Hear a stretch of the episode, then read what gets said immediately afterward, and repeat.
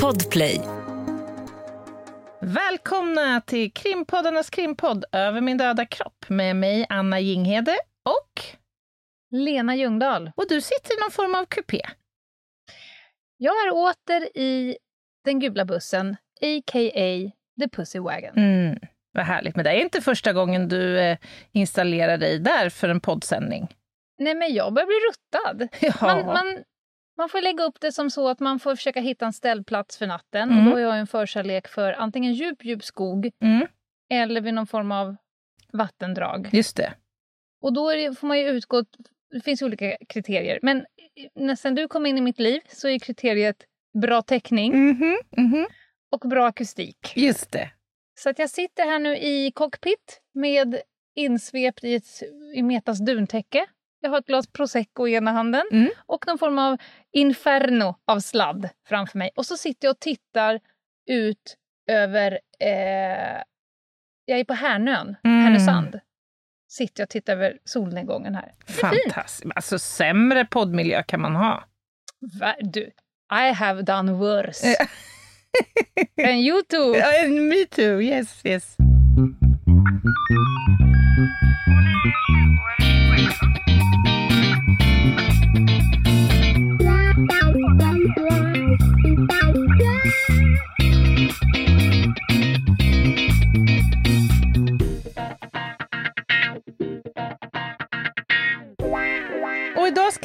Bli ont, ont idag. Kan man räkna med det? Äntligen lite uns, uns. Ja, ja.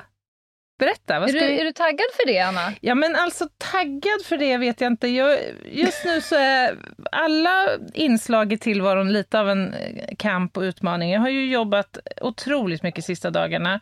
Jag har Mm. sovit så gott som ja, större delen av den här dagen. Eh, Faktiskt. Mm. Så att jag, nu börjar jag liksom hitta tillbaka. Min hjärna börjar försöka så här, reboota lite grann. Mm. Eh, och jag kom, så här, min inställning till, den, till det här Till poddtemat och poddavsnittet kommer bli eh, passiv, kan jag säga. Mm, Du är tunn. Jag är oerhört tunn här. Har du, om jag börjar så här, har du någonsin varit på ravefest? Vad är det ens för fråga? Nej. Nej. I'm coming in.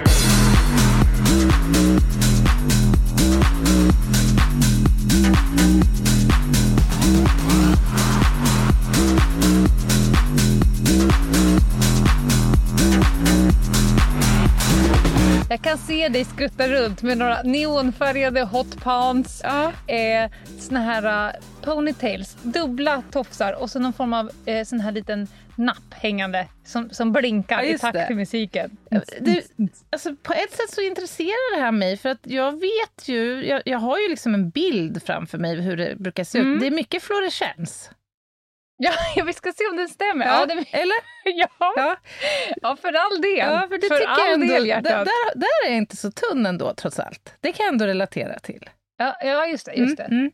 Du tänker mer sån här DNA-pasta? Ja, pasta, men också crime lights, UV-lampor visst. och... Det här tycker jag ändå... Nej. Jag har något. Nej, men det ska bli superintressant. Jag tror att jag kommer lära mig att få en djupare inblick i rave-subkulturens vara och icke vara idag. Mm. och många andra med mig. Och jag är superspänd på att höra om dina erfarenheter, för jag vet ju att du har ju varit superinvolverad i det här. Rent professionellt alltså. ja. men jag har ju det. Eh, och jag var faktiskt tvungen att gå till Maria och Charlotte, de som driver Facebookgruppen Över min döda kropp. Mm. För jag vet att vi har haft knarkavsnitt innan och jag kunde liksom skönja ungefär vad jag pratade om. Men jag blev lite osäker på hur mycket har jag egentligen pratat om mina år på Rave-kommissionen. Mm. Och det, vi har inte haft ett, ett eh, specifikt avsnitt om det. Just det. Så det är möjligt att jag kommer toucha lite saker vi redan har pratat om. Men jag kommer gräva lite djupare i, Ja, i olika eh, psykedeliska saker. Men, men får man fråga då, är det ett likhetstecken mellan rave och knark? På den frågan finns det två svar. Och Det ena är ja Mm. och det andra är nej. ja, tack för tydligheten. Jag känner mig mycket klokare nu. Jag tror att det kommer klarna, Anna. Okej. Ja, jag lutar mig tillbaka och Vi lämnar tar det ordet. från början och du är fri att när som helst kliva in med olika typer av frågor, Mm. reflektioner, tankar och backspeglar. Det kommer jag definitivt göra. Mm. Nej men så här är det. Rivkommissionen, alltså vad är det ens för, för namn? Vad är det ens för begrepp? Och håller man fortfarande på med rivefester? Det var ju lite trendigare förr. Mm. Jag tar dig med på en liten resa. Oh, underbart. Mm. Rivkommissionen, som den då kallades, det är ju liksom en, en grupp, en funktion inom Polismyndigheten. Mm. Den skapades 1996. Mhm. Vet du varför? Nej, det vet jag inte, men jag kan tänka mig att vid den tidpunkten hade, liksom att fenomenet var etablerat då. Och att man kanske hade, saknade instrument att beivra brottslighet och eh, kanske försöka få bukt på narkotikaproblemet i de miljöerna. Ja, visst. Har du hört talas om Docklands? Ja, det har jag gjort. Just. Och man kan säga att Rivkommissionen startades på grund av Docklands. Mhm. Docklands är alltså en mytomspunnen rivklubb som låg i Finnboda varv Mm. och som var verksam mellan 1995 och 2002. Mm. Grundarna var Mats Hinse och Anders Varvius. Och Mats Hinse... Hette, hette han Var- Varvius? Eller Varveus Det kanske? passar ju Jag väldigt bra menar jag eftersom... Ja, ja, ja. ja, ja. ja, ja, ja. Ja. Ravius, som Ja. han hette. Nej, men, och de här herrarna, eh, vi har ju... Du ska inte eh, göra mig rolig över någon politiker och så, men vi bor ju i Sverige och i Sverige finns ju lagstiftning gällande förtal. Mhm, mm. Så jag säger så att de här herrarna, en av dem blev väldigt sur på att det var så mycket polisrazzior Mhm. eh, runt Docklands som han Mhm. grundade. Eh, så då... Eh, man får googla helt enkelt på de här herrarna om man vill veta Men jag mer om fråga, dem. grundades Docklands för liksom, att köra rave där? Ja, ja. Ja, det var liksom hela Det syftet. var ju en rivklubb. Ja, Mm. okej. Mm. Och Docklands finns ju kvar, själva byggnaden. Jag tror att det är typ en restaurang eller ett fik Mhm, nu. mhm. Eh, eh, där var det ju party. Mm. Party, party. Och det började flöda narkotika. Mm. Eh, och eh, Gudrun Schyman blev ju ditbjuden och var gäst. Ja, just hon var det. så förvånad att det var sånt halli och hallå att hon var där. Hon var nog inte riktigt inläst på Nej, vad det var hon blev inbjuden till. just det, hon hade inte gjort liksom läxan riktigt. Men det här minns jag ju faktiskt. Mm. Och jag kan säga en anekdot. Jag vet en person, Mhm. En bekant till mig. Alltså det är en ganska lättlurad målgrupp. Mm. Han får ju omkring på Docklands och han köpte ju små ark med pyttesmå färgglada klistermärken Ja. i random leksaksbutik. ja. Och de får han runt på Docklands och sålde som LSD-trippar pissedyrt. Nej. Och det var det ju inte. Och folk köpte dem dyrt och la dem på tungan och, ns, ns, ns, och tyckte för fan vad bra. Det var ju, Ah. det var ju köpt liksom på Buttericks eller något. Men, men alltså, kan vi inte bara prata lite grann om företeelsen? Vad är det? Alltså, vi snackar då många människor som samlas, som i det här Mm. fallet då Docklands, och Mm. untsar till vad är det, elektronisk musik. Ja, Ja. gud vad du lät gammal ja, men det är ju det. Det är så jag tänker Ja, ja, ja, ja, ja. Och jag ska säga så här, när jag lite raljant svarade ja och nej på din första fråga. Om man går till en rejfest, vilket jag då har gjort år ut och år in när jag jobbade på rejvkommissionen, Mm. så kommer jag i 100 procent av fallen att hitta eh, narkotika Mm. med lätthet. Många gånger kommer jag inte ens in på, på festen för att det är så mycket att göra redan på parkeringen Mm. eller i skogsområdet runt omkring. Men, Mm. skulle jag vilja säga, det finns en väldigt stor klick människor som bara älskar ravekulturen, den elektroniska dansmusiken, Mm. miljön och allting runt omkring det som aldrig någonsin skulle ta i narkotika Hmm. eh, med tång ens. Så jag, och de har jag också träffat på och de tycker att det är ganska skevt med de andra som gör det till en liksom, Mm. en sn- knarksubkultur. Ja. Och liksom För det drar ju till sig massa ner. skit. Ja, ja, jag fattar.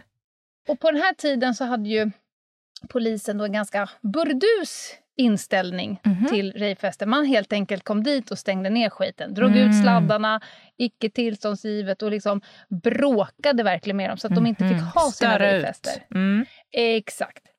Men eh, sen så blev det ett namnbyte. Rave-kommissionen kom att heta ungdomssektionen på länskriminalen i Stockholm. Okej. In, Det är lite annat enkla- signalvärde i, ja, i det lite namnet. annat signalvärde. Där. Och en lite mer breddad verksamhet. Ja, ja, det kan man säga. Eh, främsta uppgiften är att bekämpa narkotikamissbruk och förhindra nyrekryteringen. Och målgruppen är 15 till 20 år. Hmm. Man sprang fortfarande på rejfester, för det var rätt många såna. Mm. När jag började på rejvkonventionen, jag ska ta liksom min tid där. Men, men då började man jobba med de här rejfesterna lite på ett annat sätt. Mhm. Man fick ju reda på att de var där. De hade ju... Det var ju så här att de ville inte berätta vad de var såklart. Nej. För att då skulle det bli nedstängt innan de ens startade. Mm. Och på den tiden så var det att man fick ringa typ ett telefonnummer och så var det på en telefonsvarare som fick man reda på det. Och det där telefonnumret fick ju Rave-kommissionen sekund ett. Mm. Så att man ringde helt enkelt och lyssnade var det var någonstans. Mm. Mm. Eh, men då hade man lite en annan approach. Man åkte dit. Till exempel var det ganska ofta vid Flatenbadet och så fick polisen komma dit och traska genom skogen. Och så sa man att hörni, de här eh, dieselaggregaten som ni har släpat Mm. ut i Mm. skogen och sen har ni riktat baskaggarna ut över vattnet. Alltså det ringer människor ner från fucking Nynäshamn Mm. som störs av mm, mm, Ja, precis. Eh, om ni bara tar och riktar högtalarna rätt in i skogen Mm. istället Mm. så får ni fortsätta med er fest. Mm. Så att man hade en lite mer nyanserad approach till Mhm. ravefesterna än att bara stänga ner skiten. Jag förstår, för det är ju, löser ju sällan problem. Det flytt, förflyttar däremot ofta ett Ja, problem. exakt. Men får jag fråga lite grann, för det, Mm. vi, många förknippar ju det här med narkotikabruk som vi har varit inne Mm. på. Och vissa typer av narkotika, du kommer säkert komma in på det. Men finns det någon tanke om varför det var, blev så uttalat just i de här sammanhangen? Var det för, för att förstärka den här lite psykedeliska upplevelsen av de här ljusfenomenen från fluorescensen av uns uns, den höga elektroniska musiken, Ja. känslan av frihet, vad vet jag? Eller har, har du någon tanke kring valet liksom lite grann av narkotikum och varför det var så utbrett i just de här kretsarna? Ja, men superbra fråga, för det här är en fråga som man har ställt sig själv och framförallt har jag alltid, alltid ställt den till personerna som man Mm. träffar och man ingriper emot. Och överrepresenterat skulle jag säga. Mm. Självklart fanns det ju cannabis, amfetamin, de vanliga liksom, Mhm. drogerna, centralstimulerande drogerna. Men totalt överrepresenterat som droger som kanske finns mycket mer sällan på andra ställen var just det du säger, de hallucinogena drogerna. Mhm, mm. Ecstasy, MDMA, LSD-trippar, svampar, kaktusar, Mm. allting som ger dig på psyket och Mm. dina sinnesintryck. Just det. Egentligen chack och cola, det blir du ju bara jävligt pigg Mm. av. Mm. Och cola blir också pigg och dum i huvudet och dryg av. Mm. Eh, absolut, chack, och det sitter i kanske sex timmar. Då blir du pigg. Då kan du ju stampa runt en Mm, hel natt mm. ute i skogen. Vi och pratar du alltså om känner ju inte amfetamin nu. Ex Mm, Exakt, och mm. du blir inte trött och du känner inte hunger och så vidare. Eh, kokain är dyrt och dessutom så sitter du bara i kanske vadå, en timme, 90 Ja, minuter. Det är precis. dyrt att hålla på. Mm, mm. Men ecstasy, MDMA då, och eh, LSD-tripp och så, det ger ju på sinnesintrycken. Mhm. Du upplever saker som du inte kan uppleva utan. Du känner saker, du ser saker, du hör saker Mm. blir inte särskilt ofta aggressiv och dumdryg utan du kan nästan bli tvärtom, väldigt taktil, du, liksom, Kärlekskrank. kärleksfull. Mm. Eh, och sen får du såklart då en levlad upplevelse Mm. av det du får av musiken och naturen och dina vänner och Mm. sådär. Jag har ju liksom aldrig slagits med någon som har tagit ecstasy. Nej. De bara “Åh, du har så fint mjukt hår, Lena”. ja. Jag har ju berättat för dig med de som satt och käkade upp min matlåda Ja. i bilen när jag körde in dem till polisstationen. så den godaste macka jag ätit i hela mitt liv. Ja, men Ja. det är ju ändå rart på något vis. Va- Varför sitter det en grön elefant här bak? Man bara, ja, ja, jag vet inte. Jag satte den där i morse, den får åka med. Så. Och målgruppen då? Är det ungdomar Mm. för, företrädelsevis alltså? Man breddade ju verksamheten och jag gled ju in på Rave-kommissionen 2004. Mm. Då var ju fortfarande en hel del rejfester. Då hade de flyttat in i scoutstugor, friluftsområden, sommarstugor. Mm. Man behöver ju hitta platser att vara på Mm. där man också kan dra på med rätt mycket musik. Så det var ju väldigt mycket utomhus. Mm. Jag vet inte hur mycket har pulsat i snö och gått långt. För att de har ju en ganska hö hög motivation för att ta sig till de är här klart. ställena. Det är klart. Mm, men man breddade verksamheten och jobbade väldigt riktat mot unga. Mm. Förstagångsanvändare, folk som inte ska rekryteras in i den. Tjejer, gärna. Mhm. Jobbar mycket mot skolan och sådär. Mm. Eh, och det var ett hårt jobb, ska jag Mm. säga. Rivkommissionen då, som det fortfarande kallas, kallades, fast det hette ungdomssektionen. Det, där jobbade man i fem år. Mm. Femårskommendering. Man insåg att efter fem år så är du liksom utsleten. Du kommer inte palla Mm. mer än fem år. Var för det var så? Jag aldrig det. jobbat hårdare än på rave. Aha.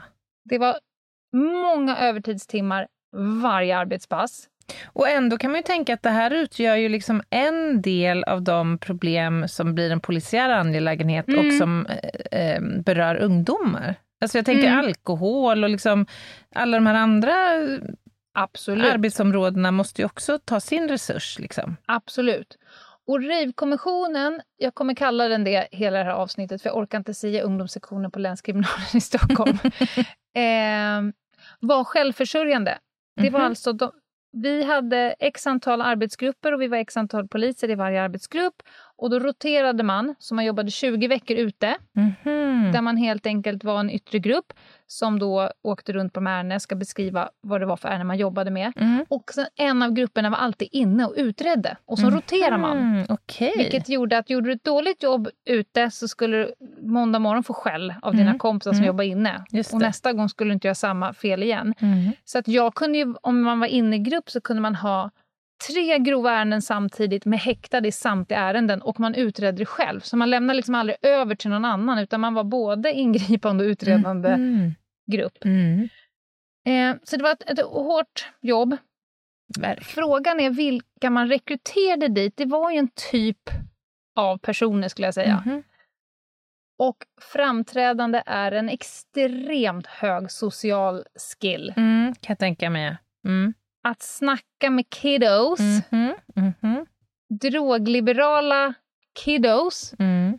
och missbrukare, sos, morsor, Mm. farsor, rektorer, fältare, eh, Maria Ungdom, vårdinstanser. Du var tvungen Mm. att vara att spela på alla strängar Mm. alltid. Jag förstår det. Eh, och lite yngre poliser där, Mm.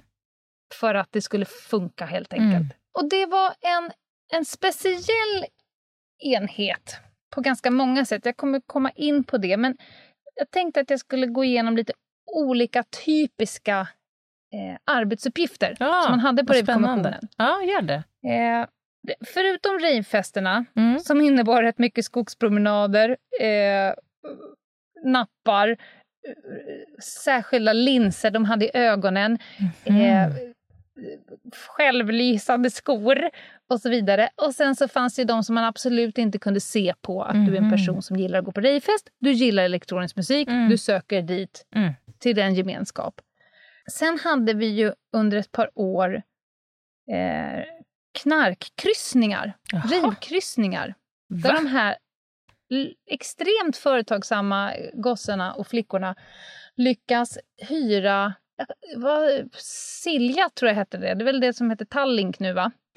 De Säkert. lyckades alltså hyra hela fartyg Va? och skulle ha så kallad partykryssning. Aha. Jag ska säga, jag har haft rätt mycket uppgiftslämnare genom åren. Mm, mm. Golare har inga polare. Jo, de har jättemånga polare Mm. och alla jobbar på rejvkommissionen Mm, typ. Mm, jag förstår. Man är extremt duktig på att hantera mycket uppgifter. Så att vi fick ju reda på att nu ska det komma en, en kryssning och det kommer flöda så fruktansvärt mycket knark Mm. på de här kryssningarna. Det går ut på att man är på en begränsad yta Mm. där polisen inte är Mm. och sen så lyssnar man på elektronisk musik och knarkar hela natten. Ja, det måste ju vara ett Eh. drömscenario. Alltså vara ute till Ja. sjöss och köra. Verkligen! Ehm, och då hade vi en väldigt eh, framåtlutad åklagare Mhm. som sa så här att det här ska jag jobba med. Det här är exakt det jag ska jobba med. Mm. På vilket sätt ska du jobba? frågade vi. Jag ska vara ombord. Jag ska gå undercover. Vi bara, Nej, vad roligt. Mm, du är en farbror, till att börja med. Okej. Så han sa att jag kommer ombord och typ tre av er kommer ombord och vi kommer inte göra någonting ombord. Vi ska inte ingripa, vi ska inte göra någonting utan vi ska bara vara på plats för att bilda oss en uppfattning. Mm, mm. Och sen gör vi en jätterazzia när Mm. båten kommer Mm. in i Värtahamnen igen efteråt. Hm. Eh, och då var, tillhörde jag enheten som då skulle vara att ta emot i Värtahamnen. Eh, och vi fick ju då kontinuerliga eh, vad säger man, lägesbilder. Mm. Och det såg ut så på båten att det var helt enkelt A4-lappar som satt på hyttdörrarna. Mhm. Här finns det tjack, kostar så här Nej, mycket. Sluta. Här finns det MDMA, här finns det svamp, här finns det cola. Så man gick helt enkelt till den hytten man ville ha och så köpte man. Men, Det stod ju någon och dealade där. Och så upp och, och körta på. Och då fick vi så här, han, han var då lack, åklagaren, så han sa att när båten kommer i land, då kommer jag att ta båten i beslag. Mm. Och vi började direkt svettas, som Ja. då skulle utreda det här. Var ska vi göra av den när Ja. den är i beslag? Vi kan inte lägga upp den på en trailer och köra den till Västberga. Nej, det känns lite stökigt faktiskt. Och sen så skulle han ju då gå upp till kaptenen och underrätta med, med kaptenen misstanke om grovt narkotikabrott. Ah.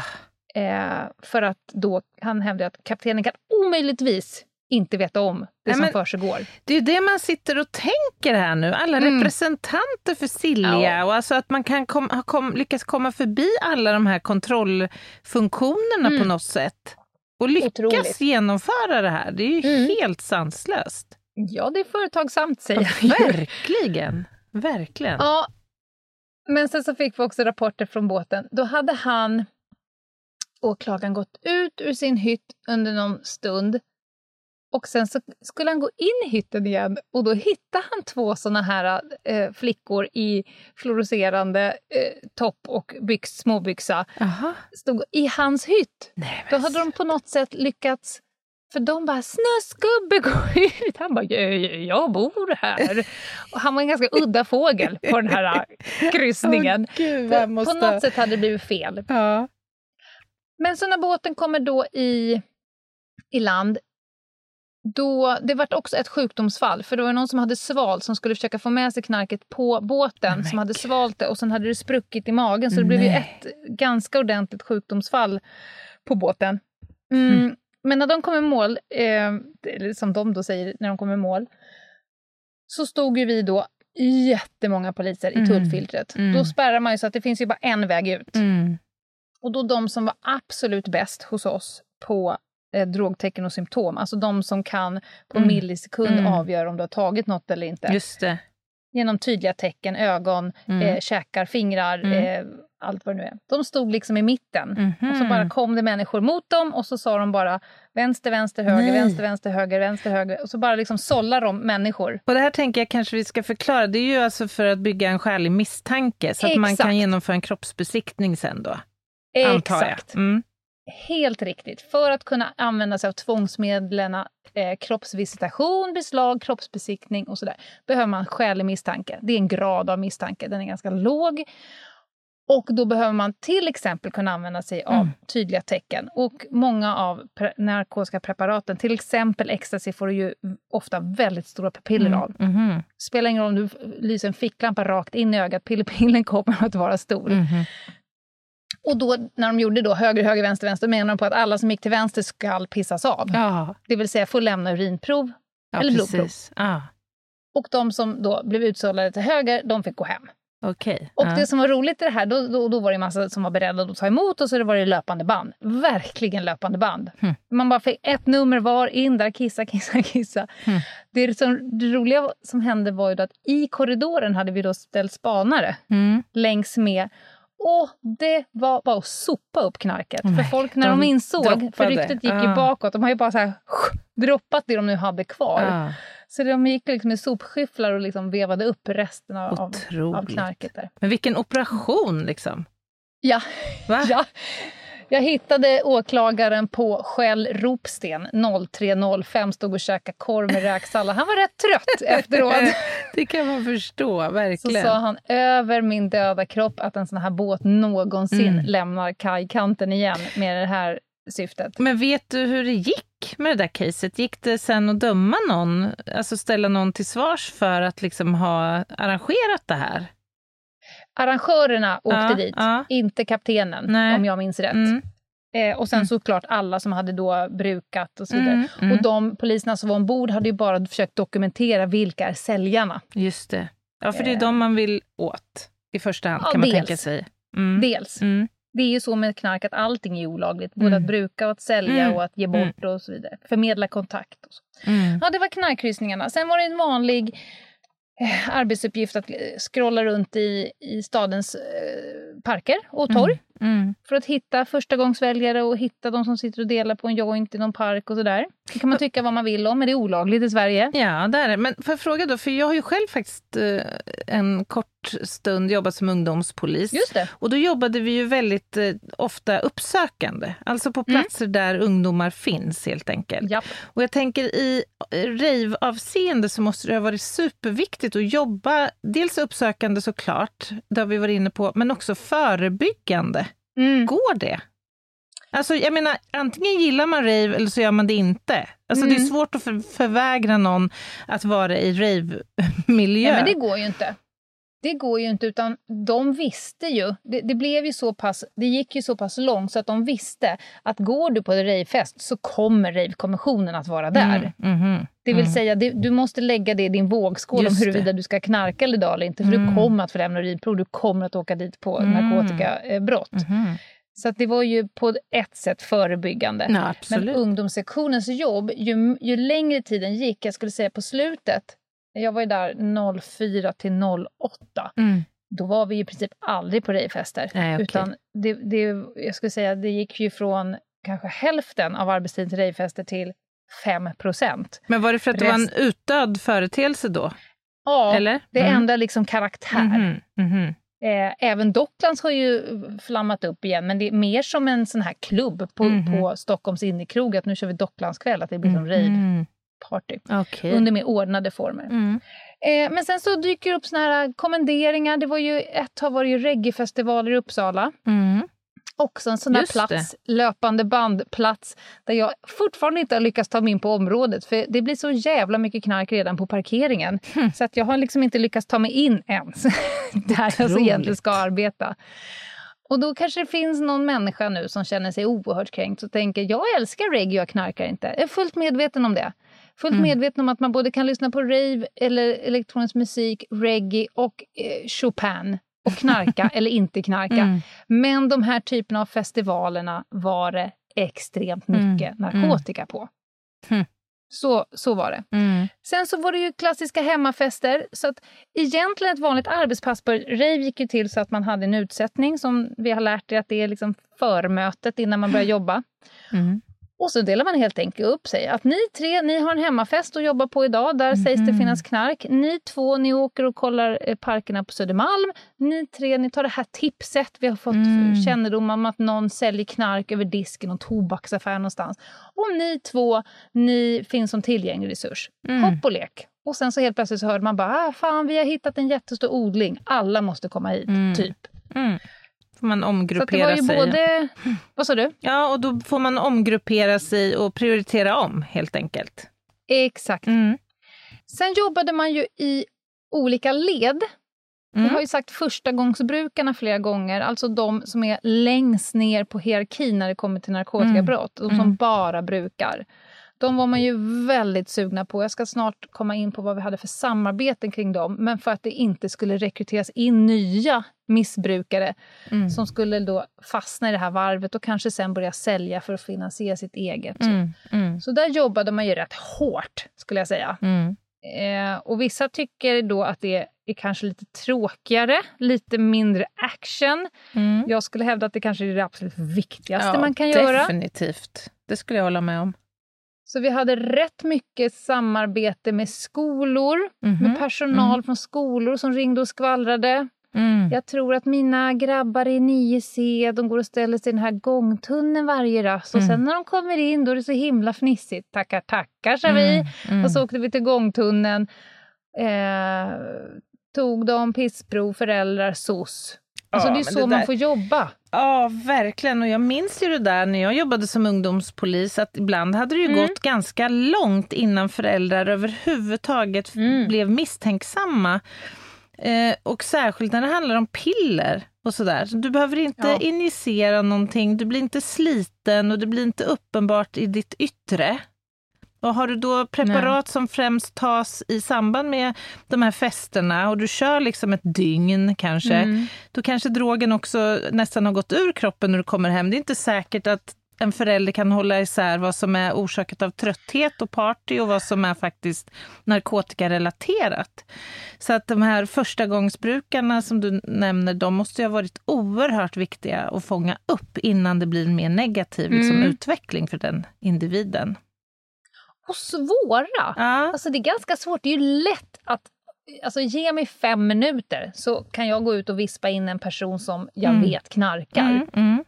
Eh, men är det liksom rätt väg att jobba? Gå ner på plattan och ta någon gammal hårsare? Nej, nej, nej. Alltså, eh, och det är inte alltid lätt. Så att jag då när vi fick nya personer till rave, eller när jag utbildade då i narkotika och, och um, nya narkotikapoliser, Mm, så blir det så här, tvinga dig själv att tråla igenom alla. mm. Du kan faktiskt gå och ställa dig i en vägkorsning och bestämma dig för att idag ska jag prata med alla Mm. som passerar mig, som ser ut att vara under 20 och som har jeans på sig. Mm. Alltså ge dig bara ett, ett spann av Mm, folk, för mm. annars så kommer du liksom automatiskt sålla bort alla Mm. Ja, förstagångsanvändarna. jag förstår. Jag förstår så kommer du ta de som redan har liksom fastnat Mm. för mycket. Mm, Eh, och sen kan du prata med alla i jeans en dag. mm.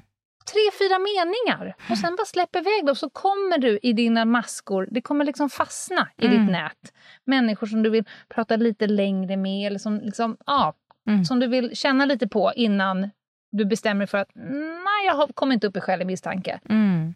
Än att Mm. bara gå ner på plattan. Hur svårt är det? Alltså Ja, vad ger nej, det nej. ens för samhället eller för individen? Det, Mm. det ger inte så jättemycket faktiskt. Nej, nej, men jag förstår hur du tänker. Mm. Eh, och när vi kommer till de yngsta, då blossade det upp en... Du som jobbar på en ungdomssektion, jobbar ni med Linköpingsmodellen? Nej, inte, det ringer ingen klocka. Jag tänker, kron- vi, alltså, vi jobbade ju mycket mot alkohol. Det var ju, Just det. För det Och var, då var det Krono- ganska mycket. Ja, så Kronobergsmodellen. Men Mm. berätta, vad är Linköpingsmodellen då, Lena? Ja, men det är en ganska offensiv och rätt så kritiserad modell, men Mhm. också snuskigt effektiv. Men jag förstår varför ni kritiserar och det är för att jag tycker inte om när man fifflar med lagen och använder man Linköpingsmodellen fel, Mm. då skulle jag säga att man försöker ful komma in utan att egentligen ha på fötterna. Men när man använder, använder man den rätt så är det bra. Och den går ju helt enkelt ut på, har du personer som är mellan 15 och 18, det bestämde man sig för. Mm. Människor som är under 18, alltså inte myndiga. Nej. Alltså där föräldrarna bestämmer över dig. Det var det som var själva kärnfrågan i det här. Mm. Mm. Och som vi pratade om innan, du sa att, att föräldrar är ganska dåliga på att upptäcka. De fattar inte riktigt. De ser inte. De, de har målat upp någon nidbild om hur en knarkare ser ut. De ser väl någon som Exakt. står och hänger med en kanyl i armen. Mm. Exakt. Och, och Lisa kan väl flyga under radarn i flera år Mm. med sitt missbruk. Precis. Ja. Och, och både du och jag är föräldrar. Mest troligt så vill man inte heller fatta. Nej. För att man tycker att det är så jobbigt om det skulle vara så. Så man tänker, nej, aldrig Lena. Inte Mm. skulle Lena mm. Mm. Nej, bli helt missbrukare. och då, syftet var att göra hembesök. Mhm. Alltså man har en misstanke, det kan ha kommit upp ett namn när man har pratat med någon eh, skolpersonal eller att du själv har tagit urinprov för någon och den personen säger ja men jag knarkade med Kalle i min Mm. klass. Fast man kommer inte riktigt upp i skälig misstanke Nej, så att man kan inte inleda en förundersökning och man kan inte besluta om tvångsmedel. Men oron finns. Mm. Är det bekymringssamtalen vi pratar om? Exakt. Ah. Och då gjorde man helt enkelt hembesök och detta gjordes med polis tillsammans med SOS. Mm. Så en polis och en SOS åkte helt enkelt hem då till Kalles föräldrar. Kalle är då 16 år säger vi. Mm. Pling pling! Och det är för att då få, få en tidig upptäckt Mm. och för att få in föräldrarna tidigt. Och det är helt frivilligt. Och då säger man så här, hej, jag heter Lena, jag kommer från polisen, det här är Pia, hon kommer från SOS. Vi har fått till oss att Kalle eventuellt missbrukar narkotika. Vi Mm. vet inte att det är så. Mm. Men det har kommit till oss och då är första frågan, vem har sagt det? Ja, Det kan inte säga, för det får man ju inte. Men vi är, nu står vi här, hemma hos er, Mm. och vi är oroliga för detta. Och vi Mm. vill att ni ska veta det här. Är det okej om vi kommer in? Mm. Om de säger så här, nej, men tack för informationen, men nej, det är inte okej att ni kommer in. Då kan inte polisen göra någonting. Nej, utan då är det, tack, då har ni informationen nu och ni gör precis vad ni vill med den. Mm. Men däremot så. Så. kan ju socialtjänsten göra någonting Ja, i det läget. De kan ju göra sina, dra igång sin utredning Mm. såklart. Mm. Men ett vanligt scenario är att föräldrar säger, nej men vad säger du för någonting? Mm. Kalle, kom hit! Mm. Och så sitter man där eh, vid köksbordet. SOS, polis, en förälder, två föräldrar eller en vårdnadshavare och så Kalle. Mm. Och så sitter man och pratar om det. Om, och de, Kalle vill ju bara veta vem som har sagt det. Mm. Och föräldrarna tittar på Kalle och är, som du själv hade känt, tusen känslor i kroppen. Ja, gud ja. Mm. Vad är det som pågår och hur har ni fått reda på det här Mm. och hur säkra Och är ni? Och Kalle, säkra? vad Ja. Ja, exakt. Och jag skulle säga så här, ungefär lite beroende på hur mycket källor man har haft. Kommer det från flera olika håll så att man, då är man ganska säker. Mm. Men i kanske hälften av fallen, då var det faktiskt så att vid sittande bord så kunde jag som förundersökningsledare inleda ett förundersökning Mm. på grund av att i samtalet så uppkom skälig misstanke. Ja, jag förstår. Kalle kanske satt där och hade jättestora pupiller. Jag kan ju säga så här, men Kalle du är påverkad nu. Mm. Du luktar ju braj. Och, Men, och det innebar då att du kunde ta ett prov? Exakt. Ja. Det innebär att från den här sekunden, Mm. nu sitter vi vid köksbordet, det hade kunnat bara vara ett orosamtal. Tack för informationen, eh, ni får prata vidare om det här i er familj. Det. Men det kan också vara så att jag kommer att, nu inleder jag förundersökning. Mm. Så från och med nu så är det här en del av en förundersökning. Nu är vi inne i förhör, nu kan jag ta pissprov, Mm. vi kan gå till Kalles rum och göra en husrannsakan, vi kan ta Kalles telefon i beslag Mm. om vi tror att han säljer och så vidare. Mm. Eh, och det här är ju då en extremt effektiv metod som spred sig eh, väldigt mycket. Och den blev en del kritiserad. Eh, vissa föräldrar tyckte att det var enormt integritetskränkande. Jag vet att vissa poliser använder det här, eller kanske inte riktigt var noga med att förklara hur frivilligt det var. Mhm. Utan nu är vi här och vi tror att Kalle knarkar, eh, Men- kan vi komma in? Jag blir också förvånad, ursäkta jag avbryter Lena, men jag blir lite Mm. förvånad att, där, av det du säger, att många föräldrar upplevde det inte integritetskränkande. Mm. Är det inte de flesta, jag trodde det var de flesta föräldrars önskan att om Ja. oro uppkommer om mitt barn så vill jag veta det så fort som bara möjligt. Men var det Ja. grejen att man var hemma? Är det det? Att man... Nej men Anna, nu, nu är du one of the good guys. Mm, Det var inte helt ovanligt att man fick en dörr i ansiktet och bara mhm. “det har inte du med att göra, snutjävel”. Ja, jag fattar. Det var liksom Nästan så att man Mm. blev orolig vad som hände bakom dörren jag stängdes. förstår. Det kan ha varit missbrukare själva kanske rent utav. Ja, kanske. Det kan också vara en djup och innerlig förnekelse och chock. Mhm, mhm. Att man bara inte vill att det ska vara på sånt sätt att man Mm. känner huvudet i sanden. Eh, men, men många reagerade precis som du eh, tycker att man ska göra och som är då det rätta. Att vad fan säger ni? Låt oss prata om det här. Mm. Och det kan ju också bli jättebra. Dessutom är ju SOS på plats. Ja, och kan fånga SOS upp. är ju där. Visst.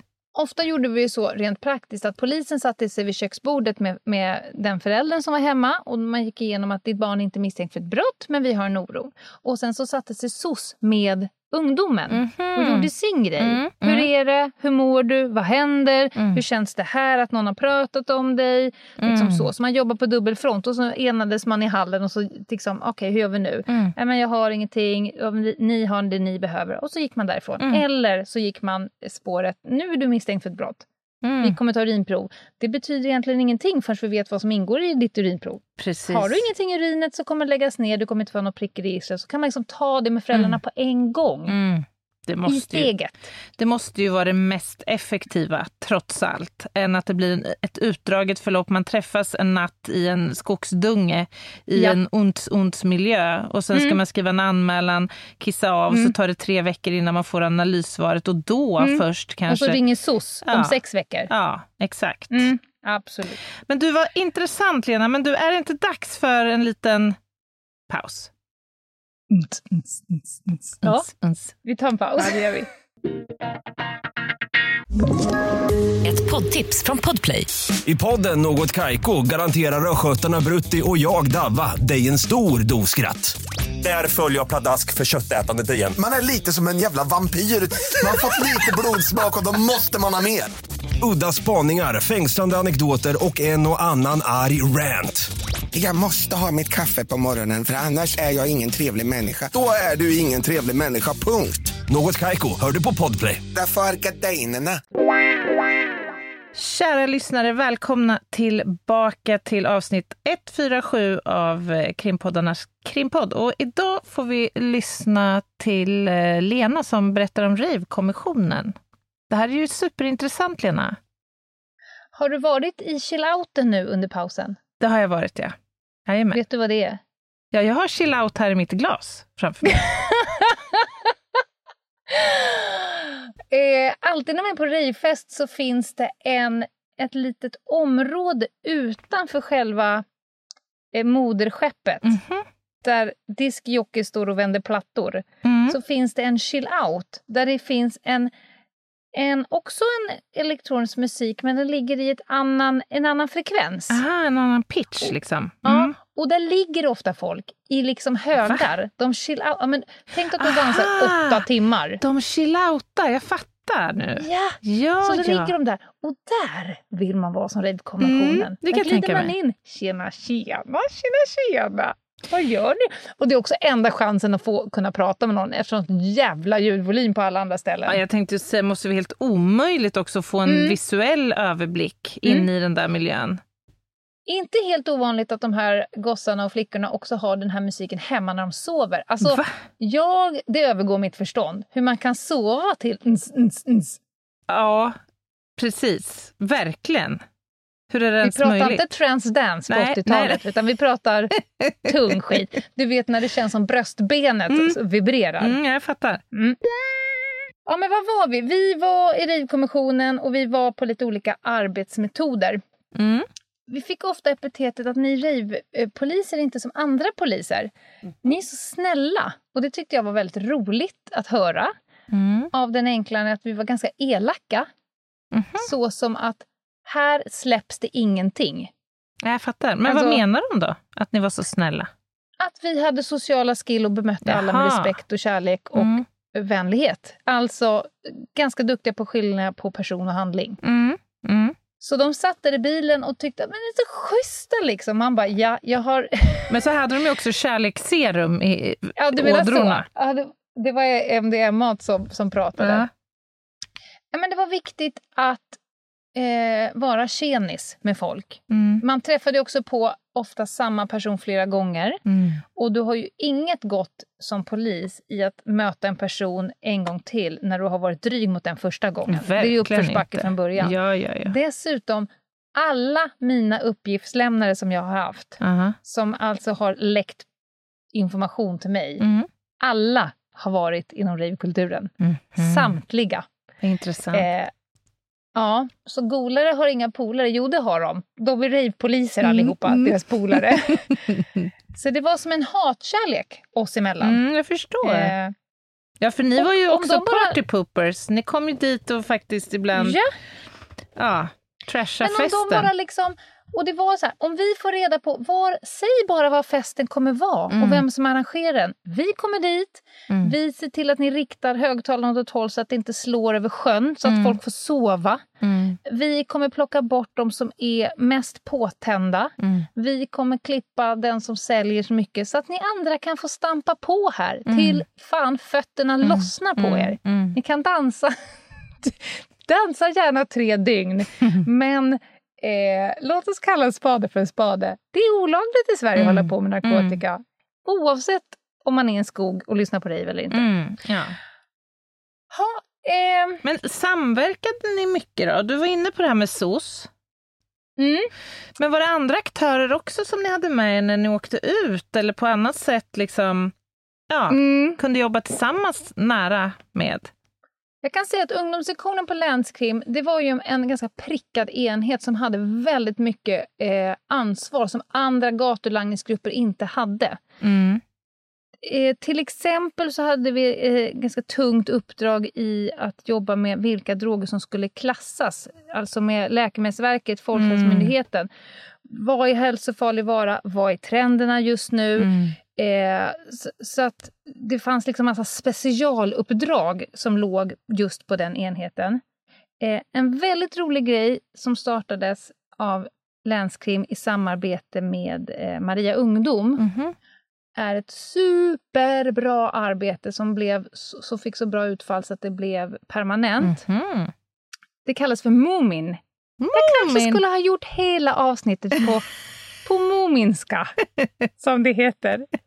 Nej, men Maria Ungdom motiverande interventioner he- är då förkortningen Mumin. Mm. Det var en arbetsmetod som man tog till eh, för att ta hand om narkotikamissbrukande ungdomar. Och det här går ut på 15 till 20 år, det vill säga exakt Rave-kommissionens målgrupp. Målgrupp, ja. Att genom motiverande intervju, fick du gå en sån utbildning? Mhm. MI-samtal. Exakt! Ah. Att jag får dig att förstå själv och ta ett eget beslut och hitta en inre motivation. Att Mm. fan, det här kanske inte är helt rätt spår för mig. Mm.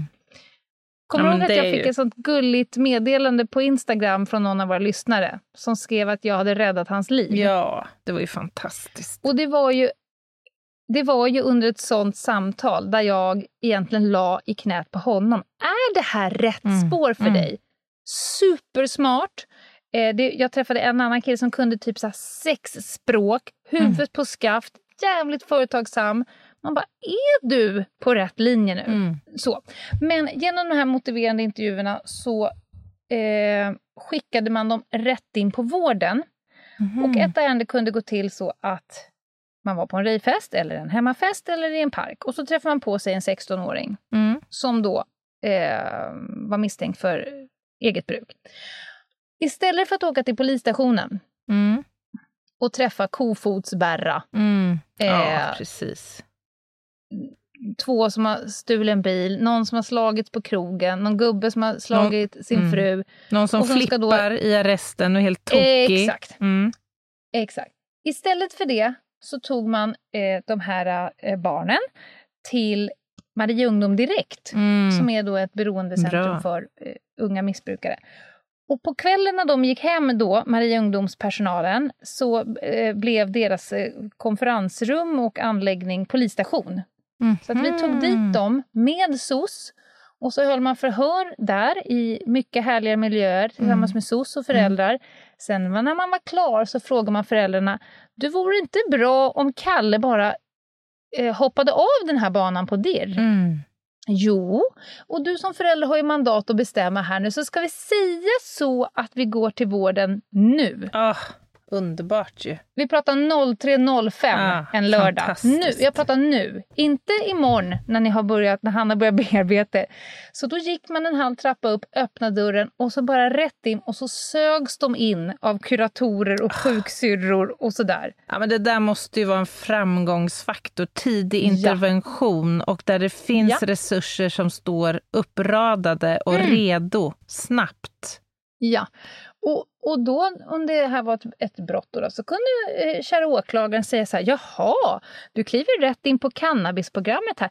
Du, det här böterna, vi gör så att jag håller i dem.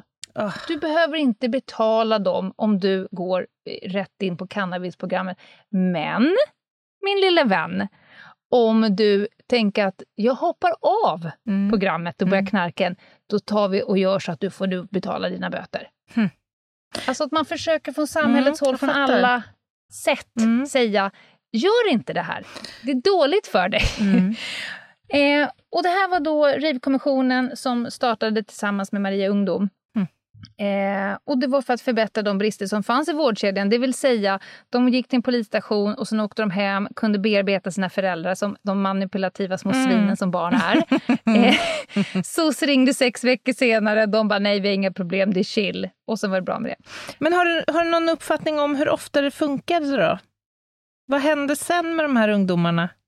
Var det många om som... jag såg en siffra, eh, någon gång har i alla fall mätts, att en tredjedel av alla som togs in på det sättet lyckades man med. Mhm. Det är ändå en ganska bra siffra. Ja, det kanske det är. Jag har inte så mycket att jämföra med. Och de andra Nej. då? Gick de in i tyngre missbruk eller Nej, det- spontanslutade de? Men har du någon Jag känsla? Ja, ja, nej, men eh, känslan är att man fick hela tiden solskenshistoria över hur bra... För man gjorde det som ett projekt. Mm. Du vet Pia, Pia som vi eh, lyssnade på, hon som var med mig i Skräckhuset. Just det. Socionomen. Ja, hon var en extremt drivande aktör i det här. Så hon Mhm. var den första från SOS som fick vara med eh, ungdomssektionen vid ett par insatser. Och sen så bestämde de sig för att det här är så jävla bra så att hon, jobbade helt enkelt heltid på rave och följde Mhm. med. Och sen så blev det så bra utfall från socialtjänstens sida och Maria Ungdom så att då permanterade man eh, hela projektet. Och det i sig är ju ett, ett tecken på att det funkade. Annars skulle man aldrig göra det. Nej, för det måste ta mycket resurs, faktiskt, jag, tänker jag. Ja, och jag pratade med Pia senast idag och frågade, lever det än? Jag ville så gärna höra att Ja. det inte har, har lagts ner. Eh, nej, men det lever än. I lite andra former, men det lever än. Mm. Fantastiskt. Ja, men det var en typ av, av samarbete och en typ av sån här ansvarsområde som då ungdomssektionen hade utöver liksom det vanliga som alla gatulugningsgrupper gjorde. Men då, Eh, det, det, var- en en ja. viktig sak vill jag bara säga. Det här var lyckat även vid bom. Så även när ehm, eh, det inte var så att de var misstänkta. Alltså Mm. när, när urinprovet kom tillbaka och var negativt, alltså polisiär bom kallar man ju Mm, det, Mm. så var det ändå bra för då hade ändå SOS kommit in. Mm, det kan ju finnas tidigt, liksom en, ett, ett, en glidande skala Ja, i hur ja. långt du har kommit. Visst. Men Mm. jag var bara lite nyfiken, för att idag är ju liksom ravefesterna ganska eh, ett utdött fenomen. Ja. Så Mm. idag måste ju målgruppen se lite annorlunda ut, tänker jag, för den här gud, ja. verksamheten. Så att Och det gjorde de... den redan då. Ja, okej. redan då, alltså när jag slutade 2008 så var ju rave inte målgruppen Nej, överhuvudtaget. Och det. det var därför man kämpade järnet för att kalla det för ungdomssektionen. Mm. Man jobbade enkom med narkotikamissbrukare Mm, mellan okej. 15 och 20 Ja, år. då är jag med. Mm. Så den här rave, så det dog någonstans strax efter eh, 2000. Ja, okej. Så började det liksom droppa av och sen dess har det varit en helt annat fokus. Mhm. Eh, och sen så eh, samarbetade man ju en hel del med tullen och med andra aktörer såklart. Mm. Mm. Jag har faktiskt en rövhatt idag, men innan vi tar den Mm. så hade Rivkommissionen lite så specialuppdrag också. Just för att de låg då på länskrim och hade liksom ett länsövergripande ansvar för Mm. eh, narkotika på en viss nivå. Eh, vi höll på med Kunskapslyftet, så att vi åkte land och rike runt. Jag har varit i Östersund, vi var på Gotland, olika städer, oftast kopplat till när det kanske är lite mer där. Där man helt enkelt lärde upp enheter runt om i Sverige om hur man jobbar offensivt mot narkotika Mhm. Gud vad bra. i, brukarleden. Ja, det var bra. Var den uppskattad också- då, den här folkparksturnén? Ja, av poliserna, men inte av missbrukarna. Jag Nej. vet när jag själv stod på ett torg i Östersund så kom det till slut fram en person till mig och sa så här, nej nu får ni fan i mig åka hem. Det är helt torrt på stan. Alla låg in och tryckte. Ja. Men det är inte helt lätt att, att liksom jobba upp en skälig misstanke, att känna att jag har så stort mandat att nu tror jag att du säljer och då ska vi besluta om husrannsakan. Det är inte helt lätt att komma in.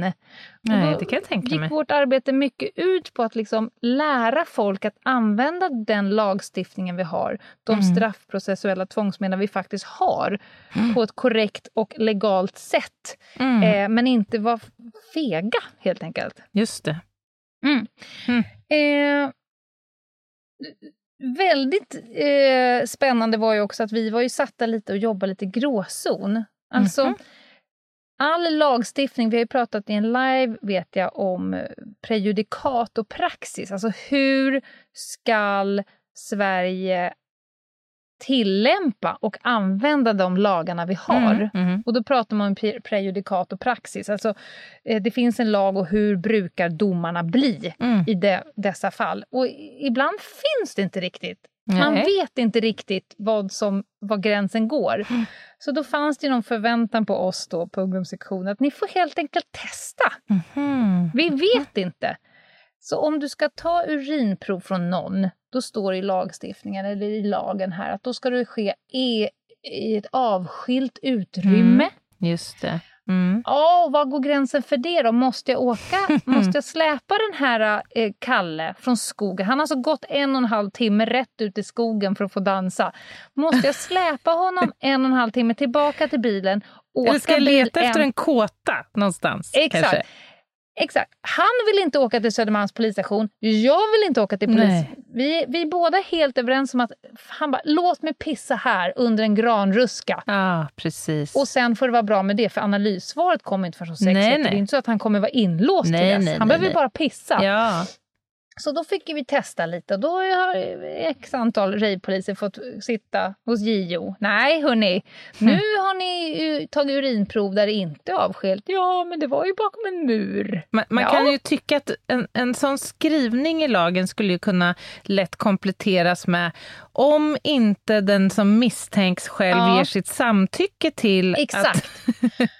Och då Ja. kan du ge det på att de ger sitt samtycke där och då för de tyckte det var så fruktansvärt kul att dansa. mm. Men sen två veckor senare, då ångrar de sitt samtycke och så tar de tillbaka det och säger jag kände mig tvungen att samtycka Mm, för han mm. såg så barsk ut. Ah, jag förstår. Mm, Och så skiter det sig ändå. mhm, Ja, mm.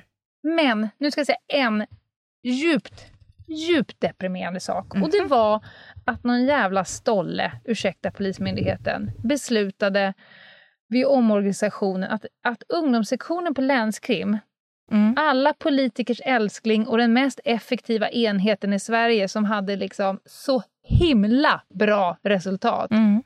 Vi lägger ner den. Ja. Var det vid omorganisationen, den senaste? Då bestämde man Mm. sig så här att det finns så många briljanta poliser där borta Mm. på den där enheten. Mm. Så om vi splittrar den och så sätter vi två av dem Mm. på Näpo här borta. Och Mm. så tar vi två av dem där och så kan de liksom göra samma sak där. Man bara, Yeah. nej. De kommer ju inom 20 minuter så kommer en av dem sitta i en trafikbil för att Mm. det saknades folk Mm. där. Mm. Och den andra kommer sitta och göra pass Ja, men jag tror... för att det saknas folk där. Och sen så lades det ner. Och nu har det tagit flera år innan man äntligen har börjat om och starta upp såna här uh, riktade grupper som jobbar mot Mm. ungdomar och narkotika igen. Nej, men alltså... För att ungdomar använder narkotika fortfarande. Ja, och det här är inget Stockholmsorienterat problem kan jag säga. Det Nej. gäller ju, vad jag vet, i hela Sverige. Man fimpade ju ungdomsrotlarna, ungdomssektionerna vid senaste alltså- omorganisationen. Och det är så jädra olyckligt därför att det är precis som du säger, i de här grupperna har du ju ett, individer som vill jobba mot och med ungdomar, vilket Mm. inte är en självklarhet. Det är långt ifrån alla som är är intresserade av den målgruppen, för det är en jobbig grupp att jobba med. Ja. Men den kunskap och erfarenhet man samlar på sig och personkännedom, i alla fall om jag Mm. uttalar mig om en stad som Örebro, är ju oerhört viktig. Mm. Så jag kan inte alls förstå den tanken och hur man motiverade det beslutet den gången. Men eh, så är det i alla Jag fall. tänkte faktiskt på det idag. Jag lyssnade på Nadims sommarprat idag. Mm. Eh, har du lyssnat på det? Nej, ja, nej. Nej, och då reflekterar jag över det återigen, att det är inte systemet som räddar eh, ungdomar på glid, utan det är individerna Mm, mm. som de här ungdomarna krockar med längs åren. Det kan vara en gympalärare, det kan vara eh, grannen, moster, det kan vara en polis, det kan vara, utan det måste vara drivna personer som orkar se, Mm. orkar höra, orkar vara nageln i ögat, Mm. orkar med kärlek och varm hand, med kraft Mm. putta in dem. Se dem, höra dem, Bekräfta kräva dem. saker Mm. ifrån dem. Och Mm. säga att du är viktig. Exakt. Har man inte då ungdomspoliser som då är riktade för att göra det här, alltså, då får vi det nog Mm. så som vi har det Mm. nu. Mm. Ja, nej, jag är helt enig. Det, jag Ge skulle vilja dem för hävda att Ja. Det är snarare en av de viktigaste Mm. funktionerna. Om vi ska kunna jobba proaktivt med tidiga insatser för att förhindra en negativ Mm. utveckling, både i avseende på normbrytande beteenden och tidig in, tidigt inträde i kriminalitet Mm. och kanske den grova organiserade kriminaliteten, då är det fan ta mig ungdomssnutar vi behöver. Ja, jag är helt enig. Då är det exakt såna här äh, sektioner där man jobbar med samverkan, där man har riktade uppdrag och där man har människor som brinner Mm. för att springa röven av Mm, sig mm. för att flåsa de här ungdomarna i nacken. Mm. Verkligen. Okej, det var det. Men jag vet Ja. i alla fall att det börjar startas upp nya. Jag vet flera såna här Ah, enheter som drar igång igen. Men Låter positivt. Det ser vi verkligen fram emot resultaten av. ja, Men du, vilket superintressant avsnitt, Lena. Fasen, det här är din grej. Det märker jag. Det kan du. Alltså det var min grej. Jag måste också säga så här, 2008 då var jag så djävulskt klar med det. Ja, och då det. förstod Mm. jag varför det är en kommendering på fem år. mm. Jag tänkte, eh, om du tvingar mig att gå fram till en jävla snoris till, mm. du vet när man har blivit så här, nej trött på det Mm. nu, jag behöver göra någonting annat. Mm. Och det var ju då jag klev över till dold span, helt men annan grej. Det där måste ju vara den enhet där du absolut lättast bränner ut dig. Därför att Ja, det är gud, ja. svårt att inte bli personligt engagerad i de Mm. här barnen som det ju faktiskt är. Som Ja. man känner för långt, långt in i hjärteroten många gånger. Mm. Och som man vill rädda. Man vill typ Ja, man vill typ skrika på dem, krama dem Mm. och skaka till dem Mm. samtidigt. Ja, jag förstår. Jag förstår Ungefär precis. så som man känner för sitt eget barn. Aha. Det ska Ja. gudarna veta. Men du, Mm. vad härligt Lena. Eh, och jag vet ju att du har en rövhatt på gång. Den ser jag Mm. verkligen fram emot. Men kan man få ta tillfället i akt och puffa lite för Facebook? Vår Facebookgrupp. Kör. Det finns ju alltså en superhärlig grupp på Facebook som eh, är startad av två av våra absolut mest hängivna lyssnare sedan starten. Den heter Över min döda kra- kraft också. Ja. Över min döda kropp, eftersnack och diskussioner. Eh, och vi kanske också ska nämna att i den gruppen så finns det en tråd, eller ska vi kalla det för en svart marknad? ja. ja, ja, ja, ja, ja. svarta marknaden för ÖMDK-merch. Och det kanske är så att vi har en del nytillkomna lyssnare nu som känner sig blåsta på konfekten, så att säga. Man vill åt den merch som tidigare har släppts eh, och i väntan på ny merch som kommer efter sommarsäsongen. I väntan på den nya så skulle man kunna gå in på svarta marknaden i ÖMDK-gruppen och scrolla igenom flödet där och se om man kan komma över sin alldeles egna lilla t-shirt eller vad det kan vara man är sugen på. ja. Eh, och innan rövhatten, Lena, så vill vi också skicka ett meddelande om att vi har ett Instagramkonto som heter Ljungdahl och Ginghede. Och det går också utmärkt att mejla till oss på ljungdahl och ginghede gmail.com. Men nu, Lena, take it away. Nej, jag måste bara, en liten sak. Du sa blåst på konfekten. Kan vi prata om att jag fram till jag var ungefär 35 år Ja. trodde att det var blåst på konfettin?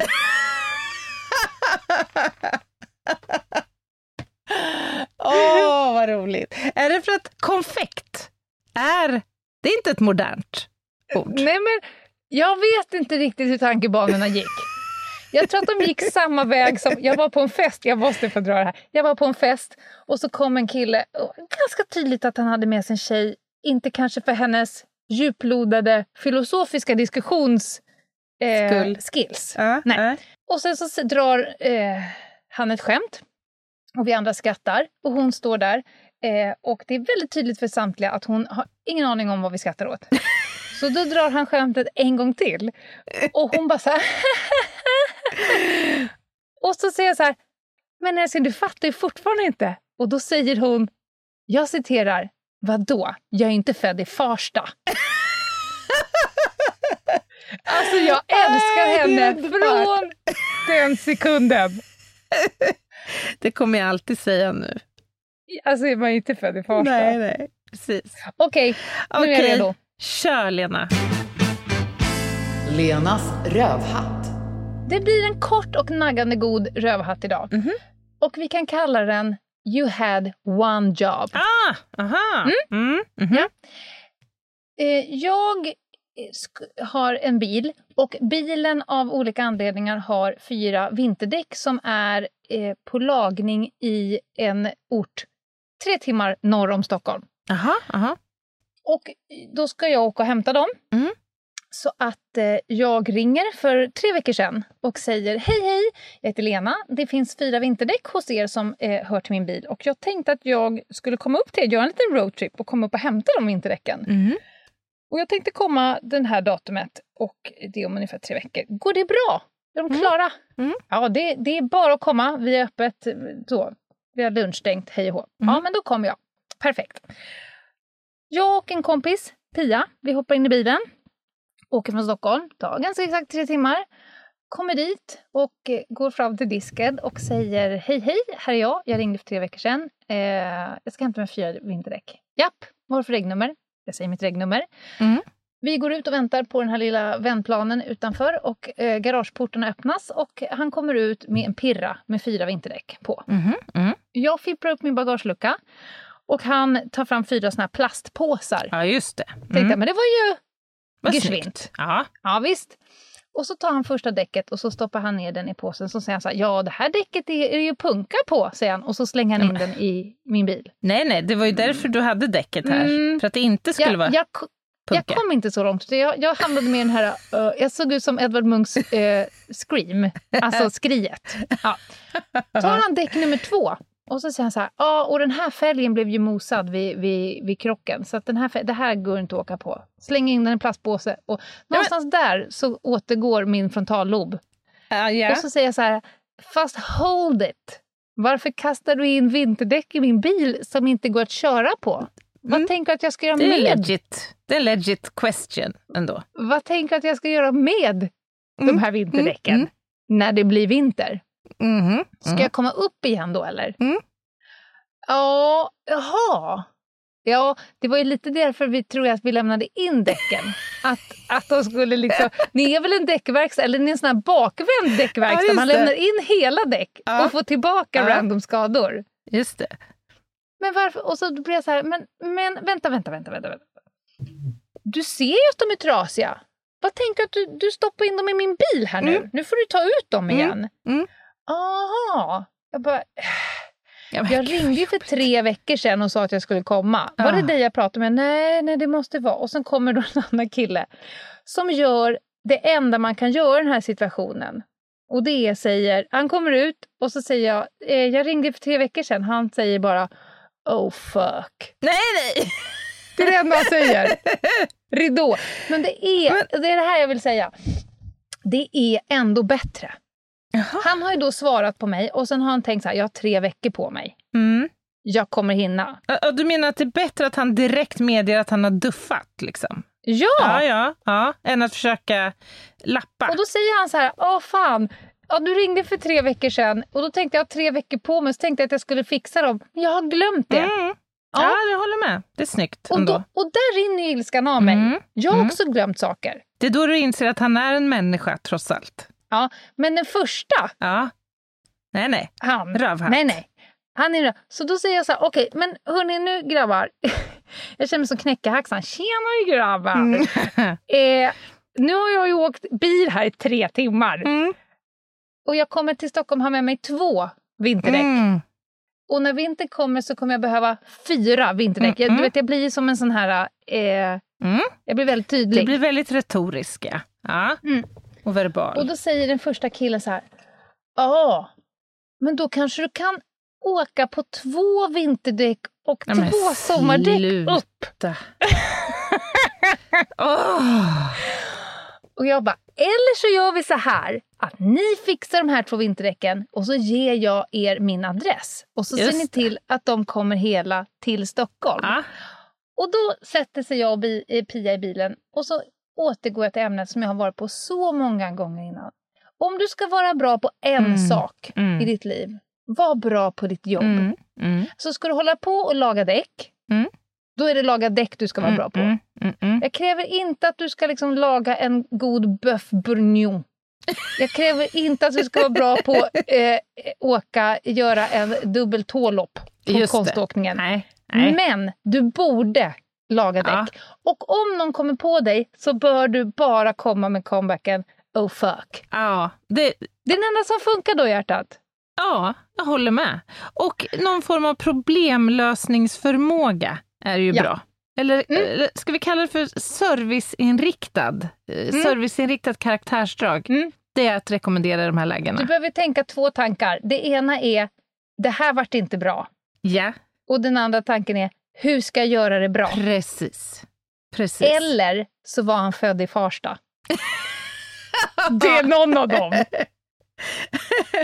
Ja, och, men de där går inte alltid samman. Det finns människor som är oerhört duktiga på sitt jobb, men det spelar liksom inte heller någon roll om de inte har den där servicekänslan. Det blir ändå, Nej. det blir ändå skit och pannkaka. Ja. Min syster var, hon var till en ortoped häromveckan för hon skulle operera sitt knä. Och då råkade den här ortopeden... Då vill man ju gärna att de är Ja, duktiga det på vill det. man ju. Det vill man ju Ja. verkligen. Och då råkar den här ortopeden komma från ett annat land och inte prata liksom jätte, jättebra svenska, men det var fullt begripligt, det var inga konstigheter så. Men då säger min syster i något läge, för han ger henne massor med information, hon försöker då hänga med i vad, turerna här, vad det är som ska ske. Ja. Och då säger hon, men urs ursäkta, jag, jag förstår inte riktigt. Förstår du mig inte? Jag har gjort det här i 20 år. Vad är det du inte förstår? Alltså han tar åt sig personligen som att jag, jag har aldrig hört någon tidigare klaga på min svenska. Det är aldrig någon som inte har förstått vad jag har sagt. Så här liksom. Nej, nej, nej, försöker hon då. Inte, inte det. Jag förstår bara inte vad ska hända efter min operation och vad ska du göra under min operation? Kan du förklara lite bättre så jag förstår? Alltså det blir krock så här. Åh nej. Säkert svinduktig ortoped, men inte Ja. jättebra med människor helt enkelt. Nej, och det är de ju oftast inte. Får jag bara sticka ut näbben och säga det? Ja, Att det nu är du ute på väldigt- djupt vatten Ljungdahl, men kör Ja, då. men jag har varit där förr. Ja, jag kan både fjärilsim och, och baddaren och. Ja. olika saker. Men jag har ganska hög densitet faktiskt, så att jag sjunker som en sten. Min erfarenhet är att det är väldigt många människor eh, inom läkarskrået Mm. där jag tänker att det är jävligt bra att du kan i alla fall din grej. Mm. Mm. För du borde, inte du borde inte få vara bland folk. Nej, ja, men faktiskt. Men om jag får välja på en hjärtkirurg som är bra på hjärtkirurgandet Mm. och en, en hjärtkirurg som är jävligt skön, då, då går jag på hjärtkirurgandet. Ja, jag är helt enig, men det, ännu, en bonus vore ju om, om båda ingredienserna finns. Ändå. Ja, En skön och skicklig hjärtkirurg. ja jag känner en sån. Härligt. Dr. Vivis man. Just det. Ja, det är Mm. härligt. Ja, nej, men bra rövhattat. Jag måste ut från cockpit nu. Jag håller Mm. på att flyta bort. Jag förstår jag har det. pattsvett. Jag förstår. Ja. Ta hand om er där ute och vi hörs och ses snart. Jävla stabil sorti! ja, vad vill du ha då? Vi hörs och ses på lördag. Klockan 11.15. Nej, jag tyckte det var klockrent. Alltså jag köper den rakt av. Jag har aldrig hört en sån stabil... Lät det övertygande, tycker du? Gud ja! Inshallah. Jag hoppas i alla fall att vi ses på eh, lördag allihopa. Ja, det är klart vi gör. Samma här. Ha det gött! ha det bra. Hej. Bye!